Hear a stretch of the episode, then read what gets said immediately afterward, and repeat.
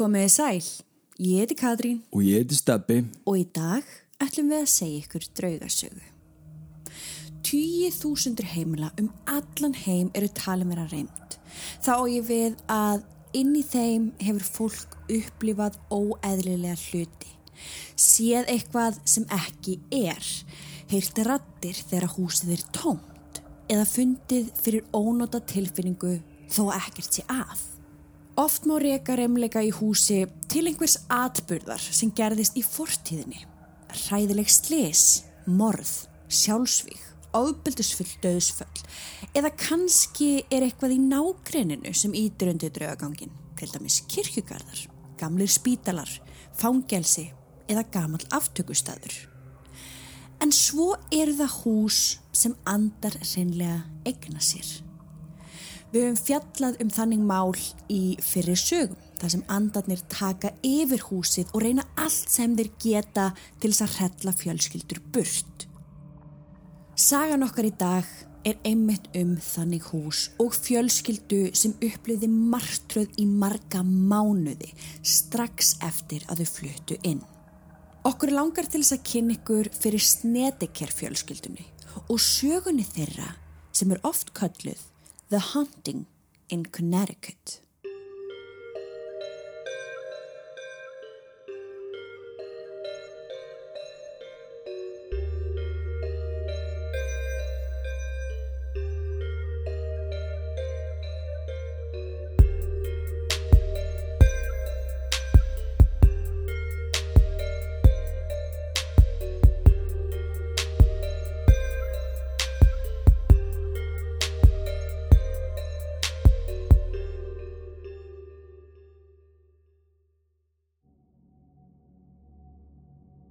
Árið er 1986 og Carmen Snedeker og eiginmaður hennar Allan voru að koma sér fyrir í nýju húsi við Meriden Avenue í Southington, Connecticut. Þau voru frekar stór fjölskylda. Þau áttu þrjá stráka og tvær dætur. Strákarnir voru Michael sem var 11 ára og Philip sem var 13 ára og svo er þessi þriðji strákur sem hétt Alan. Já. en hann er ekkert með í þessari sög og hann Nei. kemur eiginlega ekkert fram. En þau áttu tvær dætur líka. Já, Ok. Jennifer var yngst, örgla í kringum sjóra Já. og síðan áttu þau eina dóttur sem var fullorðin sem átti börn þannig að Carmen og Allan áttu nokkur barnabörn líka. Ok, en hún bjóð svo svo ekkert með þeim Nei. og tengist þessu kannski ekki Nei. núna. Ástæðan fyrir flutningunum voru veikindi elsta sonar þeirra 13 ára Philip. Hann hafði greinst með krabbamein, Hodgkins lymphoma og það var eiginlega nöðsynlegt fyrir þau að búa sem næst spítalunum Yukon sem var að sjá um meðferðin hans. Þeim var því bóðið að leia þetta hús sem var kallað Hallahan heimilið sem var einungis 5 km frá læknum Philips. Þannig að hann var bara, jáfnvel daglega í meðferðum upp á spítala við þessum veikindum sínum. Já, Já. hverjum einasta degi. Þau hjónin voru ánað með eignina og þá kannski sérstaklega hversu lág leigan var sem kom sér mjög vel því en sorglegt og það er þá er dýrt að eiga vikt barn svo þau voru ekki með mikið á milli handana. En mér langar að taka það fram að það hafa örgulega margir séð bíómyndina The Haunting in Connecticut en það sem við erum að fara að gera núna er að segja hérna sönnusögu það sem gerðist í alvöru því kvikmyndir eru á sjálfsögum stórlega yktar en sannleikurinn er ekkert minna hræðilegur Nei. Carmen var í eldúsi að taka upp úr kössunum. Hún heyrði strákunum leika sér úti og í Allan og bróður hans fyrir að bera inn búslóðina. En skyndilega byrtist Philip inn í eldúsinu hjá henni og segir henni að þau verði að yfirgefa húsið strax. Carmen horfði á svon sinn ekki alveg vissum hvernig hún ætti að bregðast við þessari fyrðulegu bónans. Philip held áfram að segja henni að það væri eitthvað illt í húsinu og að ef þau myndi ekki yfirgefa það strax þá myndi eitthvað slæmt gerast. Carmen horfði á svon sinn. Henni fannst sárt að sjá hversu mikið hann hafði breyst í útliti eftir að hann byrjaði krabbamennsmeðferðinni. Hann var orðin svo grannur með bauga undir augunum og hún sá að hann var virkilega hrættur. Hún vissi ekki alveg hvað hún ætti að segja. Það var ekki mögulegt að hann vissi um fortíð húsins því einungis hún og Allan vissu hana og þau hafði virkilega passað upp á að krakkarnir kæmust ekki að því að húsi sem þau myndi núna kalla heimili sitt var raunverulega gamall líkús. Hún sest við eldúsborðið og beður hann um að setjast á móti sér. Hún spyr hann af hverju hann haldi að slæmir hluti munu gerast í húsinu og hann svarar að hann finni fyrir ílsku. Hann virkilega finni fyrir því að húsið sé ílt. Carmen fer þá að reyna að útskýra fyrir honum að hús og byggingar get ekki verið illar, aðeins fólk getur verið vond. En hún viðukendi að húsi væri gamalt og reyndi að grínast með því að segja honum að ef húsi gæti talað þá myndi það eflust segja þeim alls konar skemmtilegar og förðulega sögur. Hún sér örliti brós myndast á andliti Phillips. Hann var bara stressaður, það var allt og sumt. Carmen spyr hann næst hvort hans er búin að skoða nýja herbriki sitt sem var niðri og um leið þá hverfur brósið en hann kingar kolli. Hvernig fannst þér það? spyr móður hans. Það er í því herbergi sem ég finn ílskuna mamma. Ég vil alls ekki sofa þar. Það er eitthvað þarna niðri og þú getur ekki látið mig sofa þar. Svona var fyrsti dagurinn í nýja húsinu. Já. Um leið og þau flytja inn þá finnur Philip fyrir óþægilegri nærveru og það sem kemur líka í ljóstarna er að foreldrarnir Carmen og Allan þau vissu að húsi var gammal líkhús. Já, maður myndi ekki segja krökkunum þetta svona. Nei. Allan í byrjun, sko. Akkurat. Þeim fannst það samt auðvitað ekkert huggulegt Nei, nei. en þau þurftu nöðsynlega að flytja til Connecticut út af því að Philip þurfti að fara dæli á spítalan í meðferð og þetta var hús sem stóð til bóða. Svo Carmen leiði það án þess að bera það undir Allan eða strákana. Hún hafði ekki sagt neinum frá því en eftir að hún leiði húsið þá hafði hún þjáðust af hræðilegum martröðum á hverri nóttu. Þar sem hún sá blóðug lík sem búið var að raða upp snirtilega í hverju herbergi. Hún sá alls konar tæki og tól, kjötkróka og líkistur og andlitslausan mann í hvítum klæðum með brúnum blettum á. Þessi maður gekk á milli líkana fram og tilbaka haldandi á beittum læknabúnaði og í hvert einasta skipti sem hann var að fara að skera í líkin þá vaknaði hún. En þanga var hún komin með fjölskyldina sína og það var ekki hægt að snúa tilbaka. Ég vissi ekki þetta með martraðinar. Nei og þetta er áður en hún flytur inn. Já, ok, Þetta hún er ekki bara- komin inn í húsið. Nei, hún sem sagt leir þetta hús og það tekur náttúrulega einhverja vikur að fá það Já, já. og þangar til við flytja inn þá er hann að dreyma þetta okkur einustu nóttu þetta er náttúrulega bara ákveðin fyrirbóði En takk ég eftir einmitt, svona byrja reymleikar og draugagangur. -hmm. Mhm. Þau gera alveg búið á undan sér stund. Akkurat Fjölskeldan hafði flutt á sólrikum sömardegi þann 30. júni Húsi sem þau kerðu upp að var svona típist bandarist hús. Það var hvítt á letin með útihurð sem var undir litlu skygni og sitt hverju megin við hana voru gluggar. Húsi var á tveimur hæðum en þriðja hæðin var síðan í kjallaranum. Þau höfðu komið ákað einu sinni áður til þess að skoða en þá höfðu verið vinnumenn að störfum inn í húsinu svo það var kæri komið að skoða það núna vel í ró og næði. Um leið og þau gengu inn um útidra hörðina tók á móti þeim þung lykt eins og enginn hafi átt heima í þessu gamla húsi í ára tugi. Þau byrjaði að skoða kjallaran og þegar niður var komið tók á móti þeim stórt herbergi hægra megin. Vinstra megin var síðan svona frönsk rennihurð og þegar hún var opnuð þá var ennþá stærra herbergi þar á bakvið. Út frá því rými komuðu auga á pínu líti herbergi og inn í því herbergi var fullt af tækjum og tólum. Carmen stóð stjörf, hún þorði ekki inn. Hún var nefnilega vissum að hún hafi séð þetta herbergi áður en gerði sér ekki alveg grein fyrir því hvar. Það voru alls konar krókar og stáldrasl, slöngur og meiri segja hnífar. Í miðjuherberginu var síðan lítið borð og ofan á því voru stáltöskur fullar af dóti. Ætla að segja ekki líklegt að hún hafi séð þetta herbergi og þetta hús í draumunum sínum. Það er nefnilega sem ég held. Já, og þetta er risastórt hús, takið eftir, þetta er bara, þetta er huge. -hmm. Þetta er í rauninni bara svona mjög líkt Amityville húsinu. Þetta er enda mjög líkt því, já. En Allan og Carmen litu ákvort annað af því þau vissu nákvæmlega hvaðan þetta dót kom og til hvers það var notað. En af hverju var ekki búið að fjarlæga allt þetta drast? Það var ekki eins og húsi væri ennþá líkhús. Einmitt, mjög skrítið.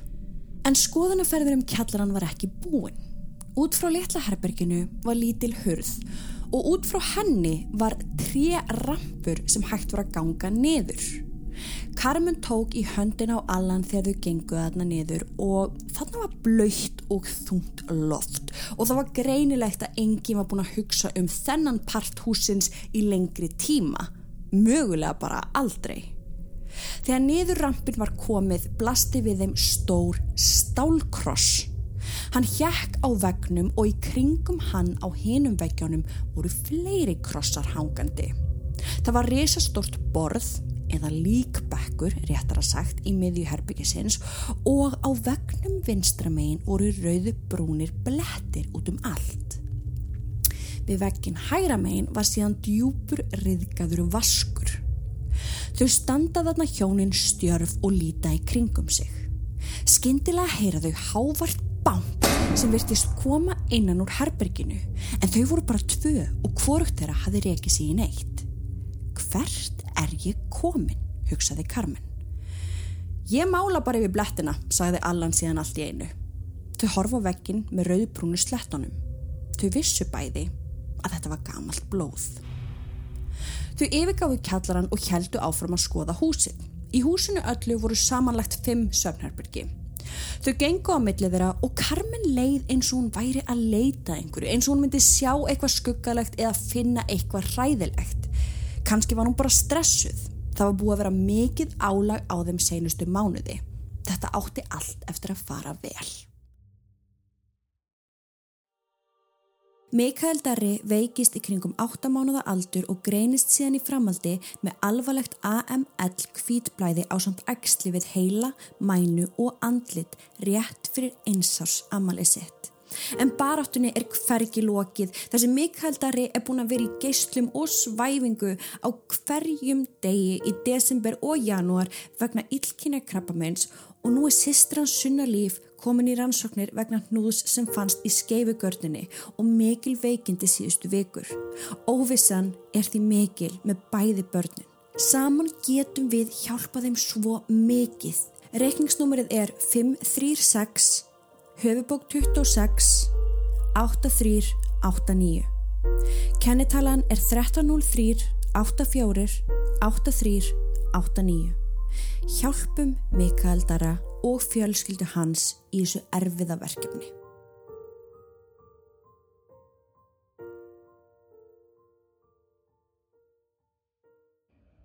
Um kvöldið segir Carmen eigimanni sínum hvað sonur þeirra hafi sagt og hún spyr hann reynd út hvort hann hafi ekki sagt honum að húsi hafi eitt sem verið líkhús. Hún var bara alveg vissum að Já. Allan hafi bara sagt honum það. En Allan harðneita fyrir það. Hann hafði ekkert sagt en var sammála Carmen að þetta væri ansi skrítið að segja. Já, En þau vissu samt bæði að Philip var búin að ganga í gegnum meira en flestir á síðustu mánuðum. Það var kannski ekkert skrítið að honum liði illa. Fjölskyldan kom sér fyrir í húsinu í sínum herbergjum nema Philip. Hann svaf í sófanum því hann neitaði að fara í herbergi sitt í kjallaranum. Morgunin eftir græjaði Carmen morgumat fyrir sig og Allan sem var að fara í vinnuferði nokkra daga. Eftir að Philip veiktist hafði Allan þurft að taka að sér meiri vinnu til þess að geta staðið undir reikningum á meðan Philip var í krabbaminsmeðferð. En hann gerði það án þess að kvarta og sömuleiðis sá Carmen um heimileið oftast með brosa vör. Philip vaknaði hálf skakkur eftir að hafa sofið í sófanum. Hann hafði ekki sofið vel og hann vaknaði í vondu skapi. Hann var reyður og leiður á sama tíma. Hann hataði þetta nýja hús og hann hataði að það væri veikindin hans sem hefði flutt þau á þennan nýja stað. Ef hann þyrfti ekki að mæta á spítalan daglega þá hefðu þau ekki þurft að flytja. Herbergi sem beigðans neyðri var samt alveg flott, eitthvað sem hann hafði alltaf viljað. No pláss og prívat, en hann vildi ekki nákvæmlega þetta herbergi. Hann vissi alveg að foreldrar hans trúðunum ekki þegar hann sagði þeim að húsi væri ílt og hann vissi alveg að þegar hann sagðist ekki vilja sofa í nýja herberginu í kjallaranum að þá hefðu þau kvíslast á að þetta væri öruglega bara vegna veikindana. Mm. Þau sögðu það ekki uppátt en Filip vissi að það var það sem þau voru að hugsa. Hann hafði aldrei fundið fyrir svona tilfinningu áður en hann fann það um leið og hann lappaði niður í kjallaran og leið nýja herbergið augum. Hann fann enga fyrðulega lykt og hann sá ekkit óeðlilegt en hann fekk óþægilega tilfinningu. Gæsa húð út um allan líkama og honum varð flögurt. Honum fannst hann líka ekki vera einn þarna niðri eins og einhver væri að horfa á hann, fylgjast með honum. Eins og ef hann myndi snúa sér hratt við þá stæði einhver bak við hann. Hann prófaði það meiri segja en sá ekkert. Hann vissi samt líka að hann gati ekki sofið í sófanum næstu vikurnar en hann vildi býða eftir yngri bróðu sinu Michael sem var búin að vera hjá ömmu þeirra síðustu vikur. Þegar Michael var í komin heim þá var hann tilbúin að flytja niður í herbergið en bara með honum. Mér langar svolítið að taka framlíka að þannig er að sjá svolítið veikburða dreng. Mm -hmm. Hann er að gangi gegnum örgla bara helviti mm -hmm. og það gerir fólk miklu opnara og meira vulnerable fyrir svona ásóknum. Og þessna er hann kannski líka að sjá meira heldur en aðrir. Mm -hmm. Það er einmitt alveg rétt. Filip gengur inn í eldús og sér að mammans og pappi voru greinlega búin að borða. Hann vissi að pappi sinn væri á leið í vinnuferð og varð pínlítið sára af að mista af honum Bílinn var farin svo hann vissi að hann sæ hann ekki næstu vikuna Hann gekka tröppunum og kallaði á mömmu sína Hún svaraði ekki, svo hann gekk upp tröppurnar og heyrði það og hún var í styrstu. Hann gengur þá aftur niður og ætlar að fara inn í stofu og horfa á sjómarpið. Hann hafði svo sem ekkert annað að gera þá hann kallar nátt að mæta á spítalan. En þegar hann gengur fram hjá kjallarahörðinni þá heyrir hann rödd kalla napsitt. Philip. Philip stoppaði og leiti kringum sig. Röddin kom ekki frá baðherbygginu þar sem mammans var. Þetta var heldur ekki hennar rödd. Þessi rödd var dýbri kallmannsrödd. Aftur er kallað. Philip, Philip. Hann stóð frosinn. Hann leitt fyrir aftan sig. Engin. Philip. Var kallað í þriðja sinn. Hver var að kalla á hann? Þetta var ekki hátt kall en þetta var mjög skýrt. Það var alveg greinilega einhver að kalla á hann. En hver? Kom til hingað, Philip. Kalla röddinn. Philip lítur niður. Honum fannst röddinn verið að koma úr kjallaranum. Hann byrjar að bakka, lötur hægt. Hann vildi fara frá deirónum. Hann var byrjar að svitna og var honum þurr í muninum af hræðslu. Þá skindilega heyrir hann einhvern byrja að hlæja á sama tíma og nafnans er kallað í fjórða skipti. Philip, Philip, gottu niður, þú verður að sjá þetta. Hann reyndi að hugsa. Pappans var ekki heima, mammans var í störtu og litlu sískinans voru sofandi. Það var engin neyri kjallara, eða það átti allavega engin að vera neyri kjallara. Hann sapna kjarki og hleypur henni í stofu. Hann grýpur fjastringuna og kveikir á sjónvarpinu og setur hljóðið í botn. Það var einhver þarna neri. Hann hafði fundið fyrir þessari óþægilegu nervuru og núna var þessi vera eða hvað sem þetta var að tala við hann. Honum fannst hann heyra í röttinni ennþá svo hann hækkaði sjónvarpið ennþá meira og setti hendurnar fyrir eirun á sér. Allt í einu sér hann mömmu sína standa í dýrakettinni með blöytt hárið í hangklæði. Hvað ert að gera? spyr hún hann, en Philip átti erfitt með að heyri henni fyrir sjómarpinu. Carmen gengur á sófanum, tekur fjastringuna og slekkur á sjómarpinu. Hvað er í gangi? Af hverju erst að hlusta á sjómarpi svona hátt? Philip vissi ekki hvað hann átt að segja en hann ákvað með miklum trega að segja móður sinni hvað hann hafði heyrt. Að það hafi einhver verið að kalla á hann úr kjallaranum og hann heldur áfram að segja henni að húsi sé vond og að þau ættu að flytja út. Carmen horfir á svonsinn sem að greinilega hrættur og ég veit ekki alveg af hverju en hún tekur þá ákverðum þarna að segja sinni sínum sannleikan. Byrju hvað þú veist, sagt honum að húsið hafi eitt sem verið líkhús? Já, hún segir honum það Já. en segir hún líka að það sé ekkert slæmt þarna inni Já, þú ok. veist, mögulega það væri einhver orka sem hann fyndi fyrir en hún neitaði algjörlega fyrir það að Philip væri að heyra í einhverjum kalla nafsitt Já. En Philip er ekki tilbúin til að taka við þessum útskýringum móðu sinnar og hann heldur áfram að íta á hana og segja henni að það sé eitthvað illt inn í húsinu og ef þau haldi áfram að búa þarna þá muni eitthvað slæmt gerast. þanga til mammans verður bara reið og neitar að hlusta á hann meira og þannig gekk þetta í margar vikur Einhverjum dögum síðar kemur Mr. Lawson í heimsóktu fjölskyldunar. það er sem sagt maðurinn sem á húsið og sá sem leiði þeim það Já. en hann er að koma ánga bara til að sjá hvort þau væri ekki að koma sér vel fyrir Carmen ákveður að nýta tækifærið og spyrja hann aðeins út í hvernig líkhúsið var á sínum tíma. Og þegar við tölum um líkhús þá gætu við alveg verið að tala um bara útfara heimili býsti við. Já. Þanga voru líkin send, þau hreinsuð og græjuð og síðan geimt fyrir útför. Carmen hafði nefnilega komið auga á einhvers konar liftu í veggunum sem var þarna í kjallara lokuð með hlera. Hún spyr herra Lawson hvað þetta væri og hann segir henni að þetta hafi verið líkliftan á sínum tíma. Lík sem að búið að hreinsa og græja voru sett í liftuna og þau síðan hýfð upp og geimt í herbyrgjunum uppi og það vildi svo til að hinn endin á hleranum var núna í hjónaherbyrgjunu þeirra. Ói, Þannig að bara... liftan var sem sagt þangað upp og þar voru lík tekið á móti líkunum. Og þau geimt bara inn í svefnherbygginu.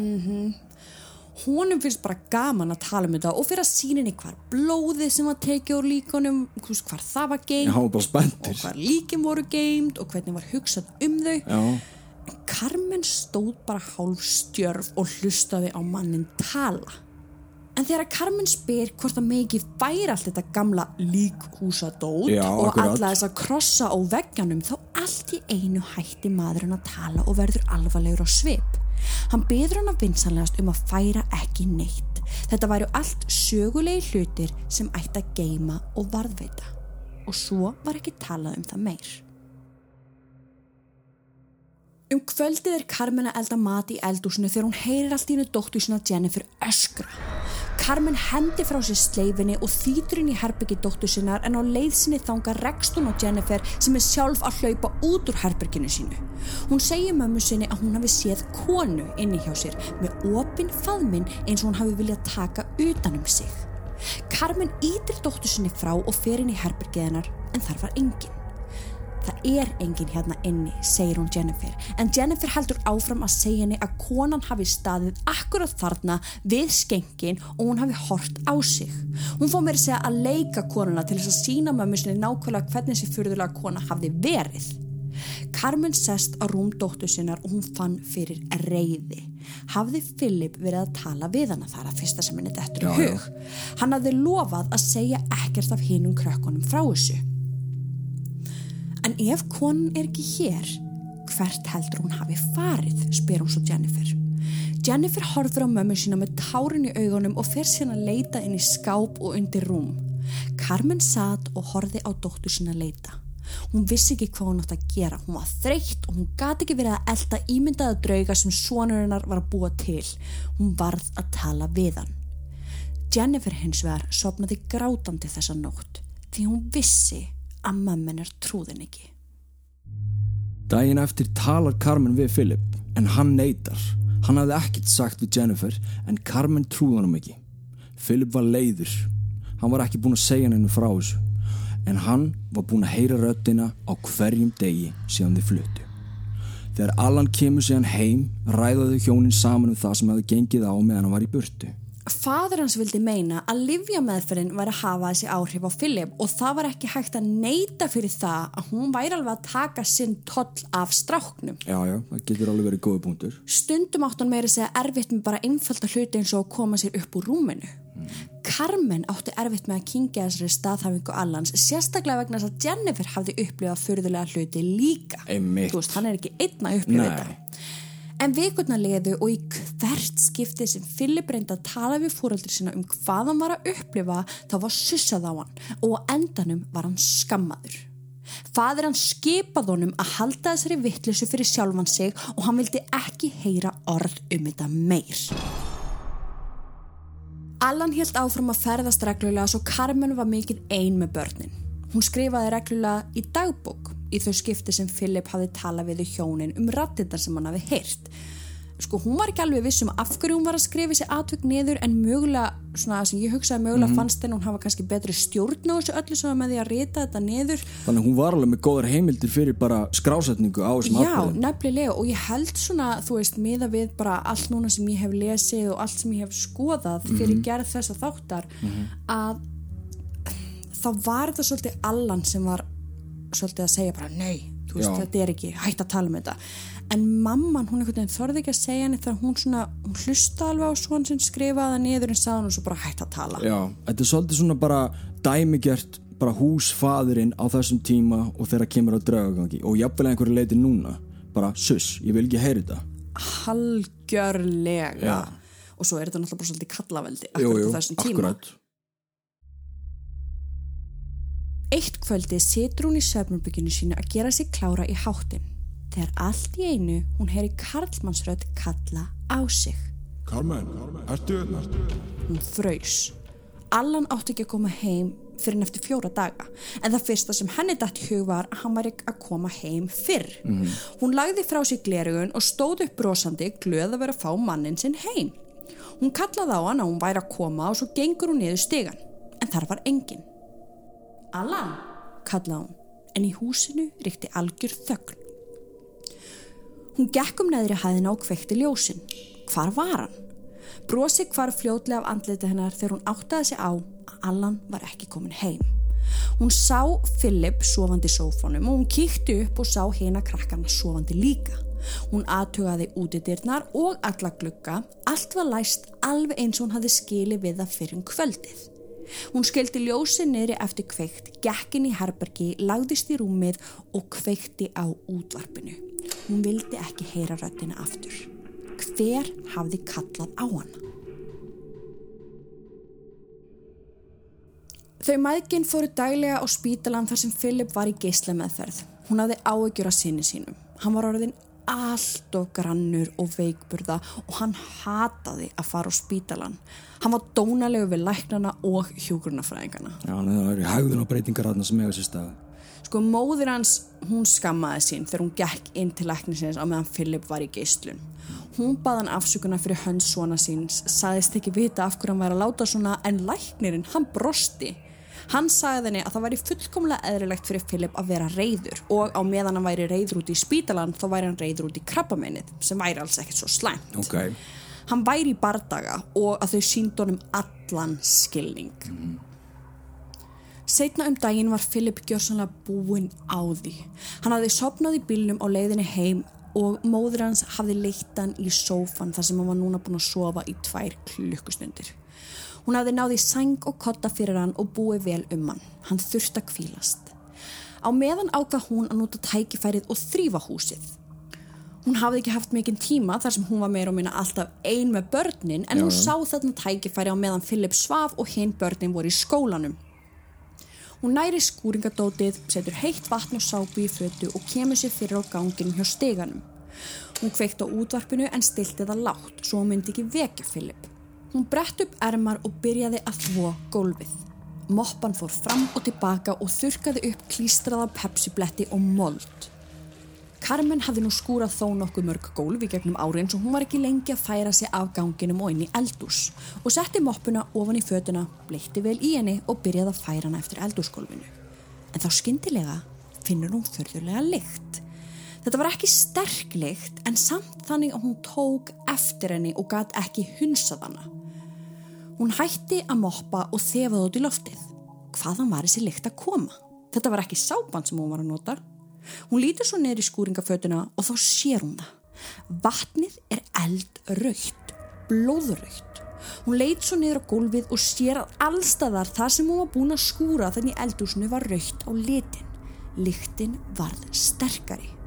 Hún stóð stjörf með augun galopin og allt í hennu mann um hvað sonurinnar hafði sagt fyrsta daginn í húsinu. Við getum ekki búið hérna mamma. Ef við yfirgjöfum ekki húsi strax þá gerist eitthvað slæmt. Hjarta á henni byrjaði að slá hraðar og hún byrjaði að svitna. Lyktin í loftinu var sterkari með hverri mínútunni. Hún lokaði augunum og sagði við sjálfan sig að hún væri að ímynda sér þetta.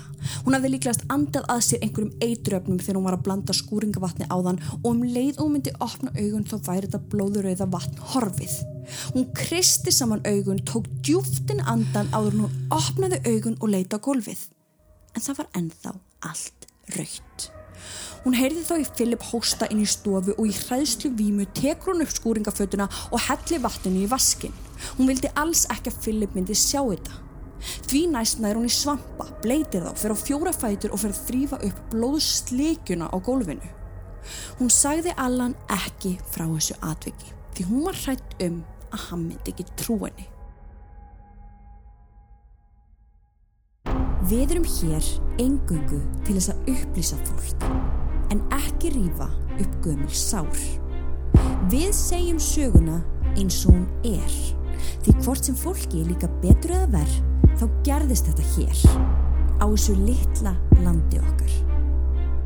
Við vorum fyrst til að fara með ykkur á staðinn og leif ykkur að upplifa draugagangin með okkur í rauntíma. Nákvæmlega eins og hann er. Við erum með sönunagögn sem engin annar á Íslandi hefur náð.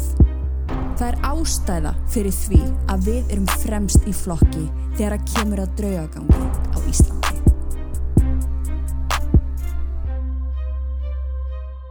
Skoðuðu áskriftarleiðirnar inn á patreon.com skástrygg draugasögur.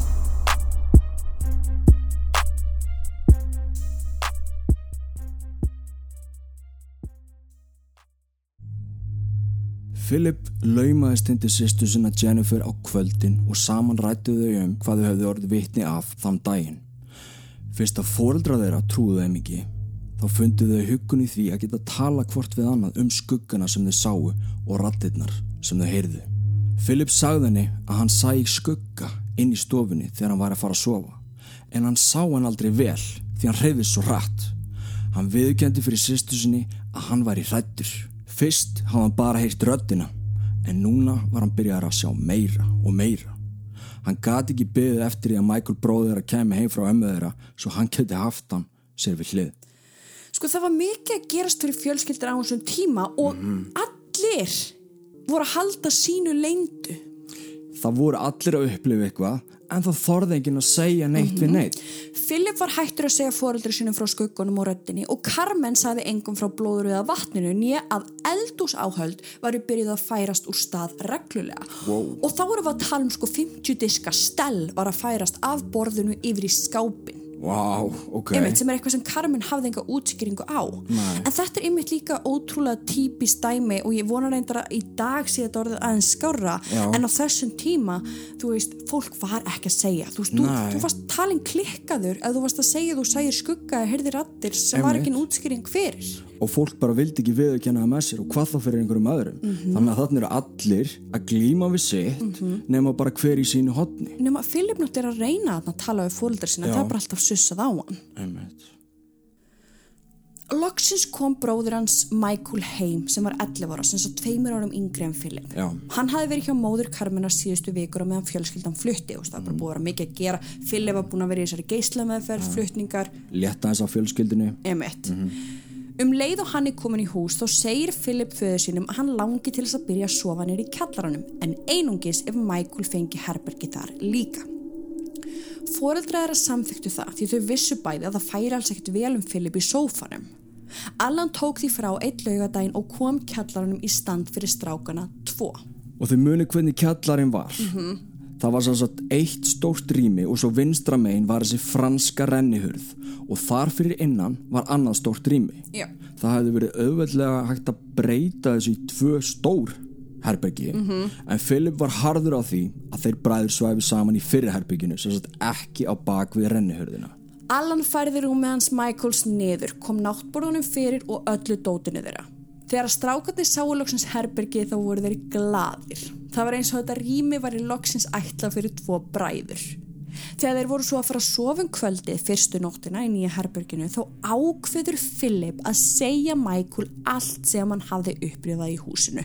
sem maður myndi gera Já, já. klálega Búin að býða og býða ótrúlegt en satt þá virtist Michael samt ekki vera hrættur við frásagnir Phillips. Honum fannst þetta bara fyrir eitthvað cool að þú veist bróður hans fær að sjá drauga og hann vildi vita meira. Ok, en svo þurfti Michael að fara á klósettið Philip fröys hann vildi ekki vera skilin eftir eitt þarna niðri á meðan bróður hans færi en á sama tíma þá vildi hann ekki sína Michael að hann væri hrættur svo hann sagði ekkert þegar Michael stóði upp og gekk upp tröppurnar. Hann lá bara stjarfur í rúminu. Hann þorði ekki að hreyfa sig á meðan hann beigð Eftir smá stund leið honum eins og hann væri búin að býða í klukkutíma. Hvar var Michael? Hann tekur sængina örlítið niður svo hann geti séð herbergi betur. Allt dótið hans var þarna niðri en honum leið samt eins og hann ætti ekki að vera þarna og eins og einhver væri að fylgjast með honum. Michael, kallaði hann, en fekk ekkert svar. Hann sest þó upp í rúmið og tegið sig í lampan. Hann var komið nóg að liggja stjarfur í myrkrinu. Þetta var herbyggið hans. Hann átti ekki að vera hrættur. En svo leit hann til vinstri að renni hurðinni og um leið þá fröysan. Á hurðinni var örlítil rifa og í þessari rifu var andlit sem starði á hann. Philip þorði ekki að hreyfa sig. Honum fannst þetta að vera ungur maður á tvítugsaldri en andlitans var hvítara en hann hafði nokkuð tíman séð. Kinnarnar voru innfallnar og kinnbeinin stóðu út. Augun hans voru líka sokkin inn en á sama tíma var andlitið alveg sveiplaust. Hárið á þessu manni var svart á aukslum. Hann var með allt og mjóa handliki og putta sem rík heldu í gallaböksunar sem hann var klættur í. Fjólublái varirnar hans byrjuði að reyfast eins og hann væri að reyna að tala við Filip. Filip hætti að anda. Hann gati ekki andað. Honum leið eins og hálsin á sig var að bólna og fljótlega ætti hann ekki eftir að geta andað neitt. Honum fannst kokið á sér vera lokast. Maðurinn í dýragættinni helt áfram að reyfa varirnar eins og hann væri að reyna að segja eitthvað við Filip en Filip var komin með nóg. Hann ítti sanginni af sér, datt út úr rúmunu á sama tíma og hann reyndi að ná andanum. Hann hljópað steganum og fann hvernig andlitan svo róðunaði af súrefnisleysi. Hann hljópa upp eina tröppu og svo næstu þannig að hann var komin allarleið upp. Þá sér hann Michael standa á ganginum furðulostin en Philip hleypur fram hjá bróður sínum og inn í herbergi foreldra sinna. Þar vekur hann mömmu sína með því að hrista hana harkalega. Hann gati ekkert sagt að því hann náði ekki andanum. Móðin hans vaknaði og sá strax að það var ekki allt með feldu. Hún rýfur í Philip, dregur hann með sér inn í eldús og á leiðinni þangað öskrar hún á Michael að setja vatn í glas til að gefa Philip. Hún tók svo glasið og kjælti að mununum hans en þá allt í einu tekur hann stóran andadrátt eins og hann verið að koma upp úr kafi. Mammans neyðir ofan í hann vatni en Philip streytist á móti. Svo allt í einu öskrar hann. Það var maður niður í kjallara. Carmen og Michael horfa á hann stjörf en Philip heldur áfram. Hann lýsi fyrir þeim manninum sem hann hafi séð og þegar hann laug frásöksinni þá snýrðu þau sér öll þrjú að kjallara hurðinni sem var gal opinn. Í sömu andrá kemur Allan faðir hans niður. Hann hafði hyrt hamagangin og hafði vaknað. Hann lítur á sinni sína og fer svo niður kjallaratröppunar án þess að segja orð. Nokkru mínútum síðar kemur hann aftur upp og segir drengjónum og Carmen að það sé enginn þarna niðri. Hann hafði leitað hátt og látt, allir glukka voru læstir og það voru engin ummerki um innbrott. Það var engin niðri kjallara. Filip ætlar að mótmæla en fadir hann svarar honum reyðilega að hætta þessari vittlesu. Hann horfið þá á mömmu sína en Carmen gat var alltaf horta á hann tilbaka. Farið aftur niður að sofa, segir Allan svo við drengina. Filip spyr hvort hann megi sofa í sófanum frekar en pappan spannar honum það. Filip þorði ekki að mótmæla. Þegar niður var komið þorði Filip ekki að reyfa sig. Hann lagðist í rúmið án þess að segja orð og dró sængina alveg upp að andliti. Carmen kom niður til þess að kissa drengina góða nótt en Philip snýri sér undan. Carmen reyndi eftir bestu getu að afsaka hennan skap ofsa föður hans en Philip viss alveg að faður hans var fullur. Blind fullur. Hann var búin að vera fullur meir og minna alla daga síðan þau fluttu í þetta ógeðslega hús. Sko af hverju var pappans að bregða svona illa við? Málið er nefnilega að pappin, hann Alan, hann var sjálfur að lenda í ymsuðan í húsinu sem hann sagði engum frá og þetta var hans leið til að díla við það í gegnum bara reyði sem bytnaði því miður á reyngum aðlum. Fyrsta atviki sem Allan lendi í gerðist aðfaranóttu laugardags þegar hann var nýkomin heim úr vinnuferð. Mjög fljótlega eftir þau fluttu inn. Við erum að tala um bara nokkra daga. Já, já. Hann hafði farið að sofa eins og vanalega með Carmen sér við hlið en var svo vakin upp að fá tónlist og röddum fram á gangi. Það fyrsta sem honum datt í hug var að krakkarnir varu vakandi og hefðu kveikt á útvarpinu. Svo hann fer fram á gang en þar sér hann engan. Hann heyri þá að tónlistin er að koma frá kjallarunum og þarna voru strákarnir ekki byrjar að sofa í kjallarunum svo hann stóð bara tómur. Mm, ok.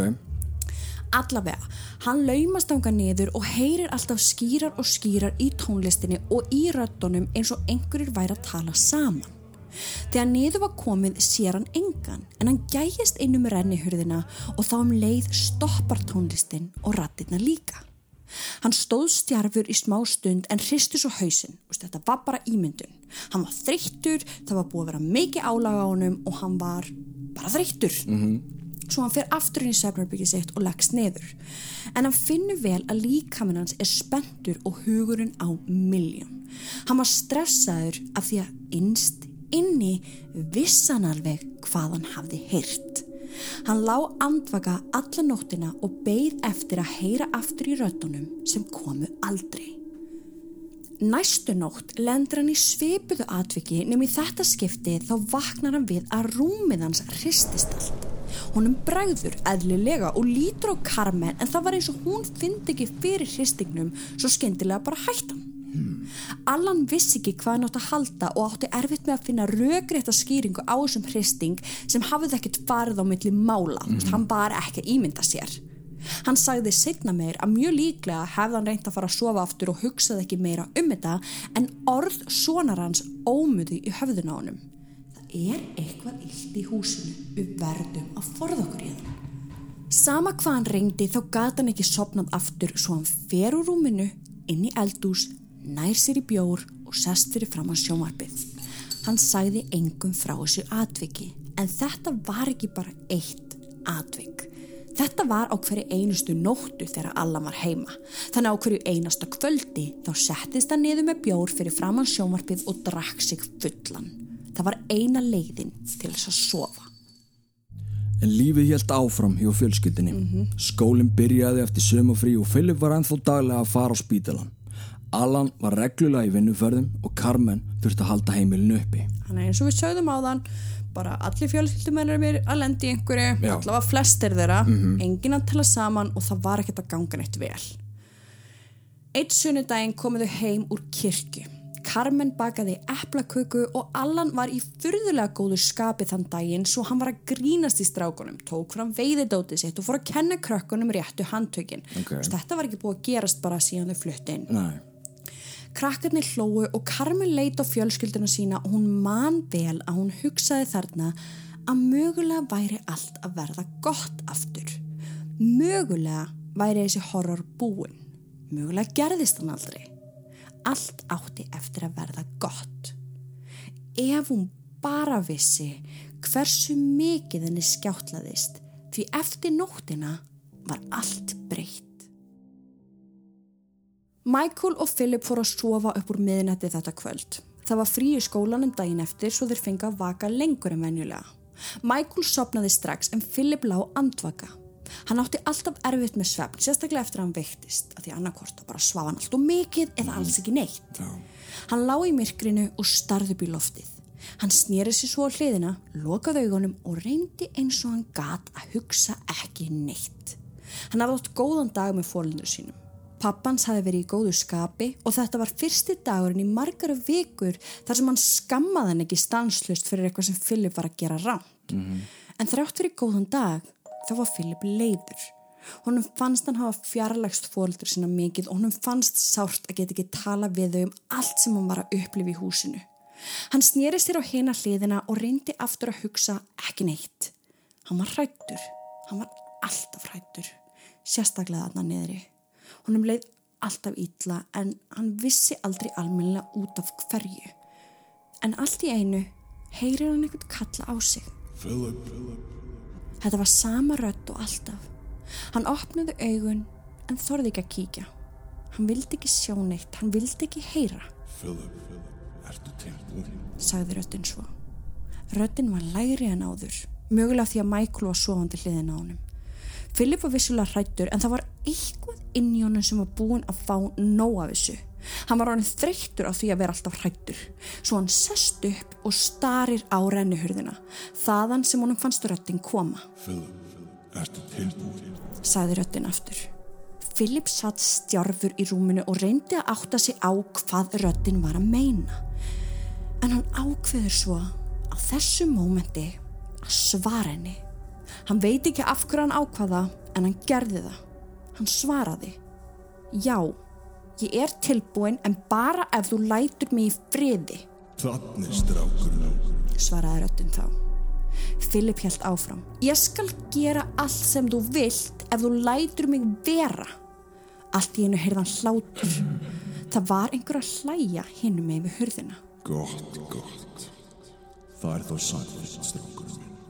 Philip byrjaði að svitna og hjartað honum stóð fastar en nokkru sinni fyrr. Var hann að gera mistök með því að svara röddinni. En hann hafði ekki mikinn tíma til að hugsa því röddin helt áfram. Ger það sem ég vil og ef þú gerir það vel þá læti friði. En sjáum til.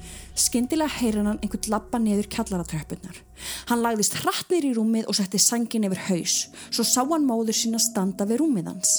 Hún spyr hann við hvern hann hafi verið að tala en Philip segist ekki hafi verið að tala við neitt. Viltu kveikja ljósið, spyr móður hans svo. Philip fann skrítið að hún var að bjóða hann um að hafa ljósin kveikt þar sem pappans hafi tekið brjálaðiskast yfir rammaksreikningum nokkrum dögum áður út af því að Philip hafi verið að sofa með ljósið kveikt. Hann vildi svara móður sinni játandi en allt í einu heldist yfir hann ofsareiði. Hann var reyður út í móður sína og vildi að hún færi burt. Svo hann segir henni að skilja ljósin eftir slögt og fara.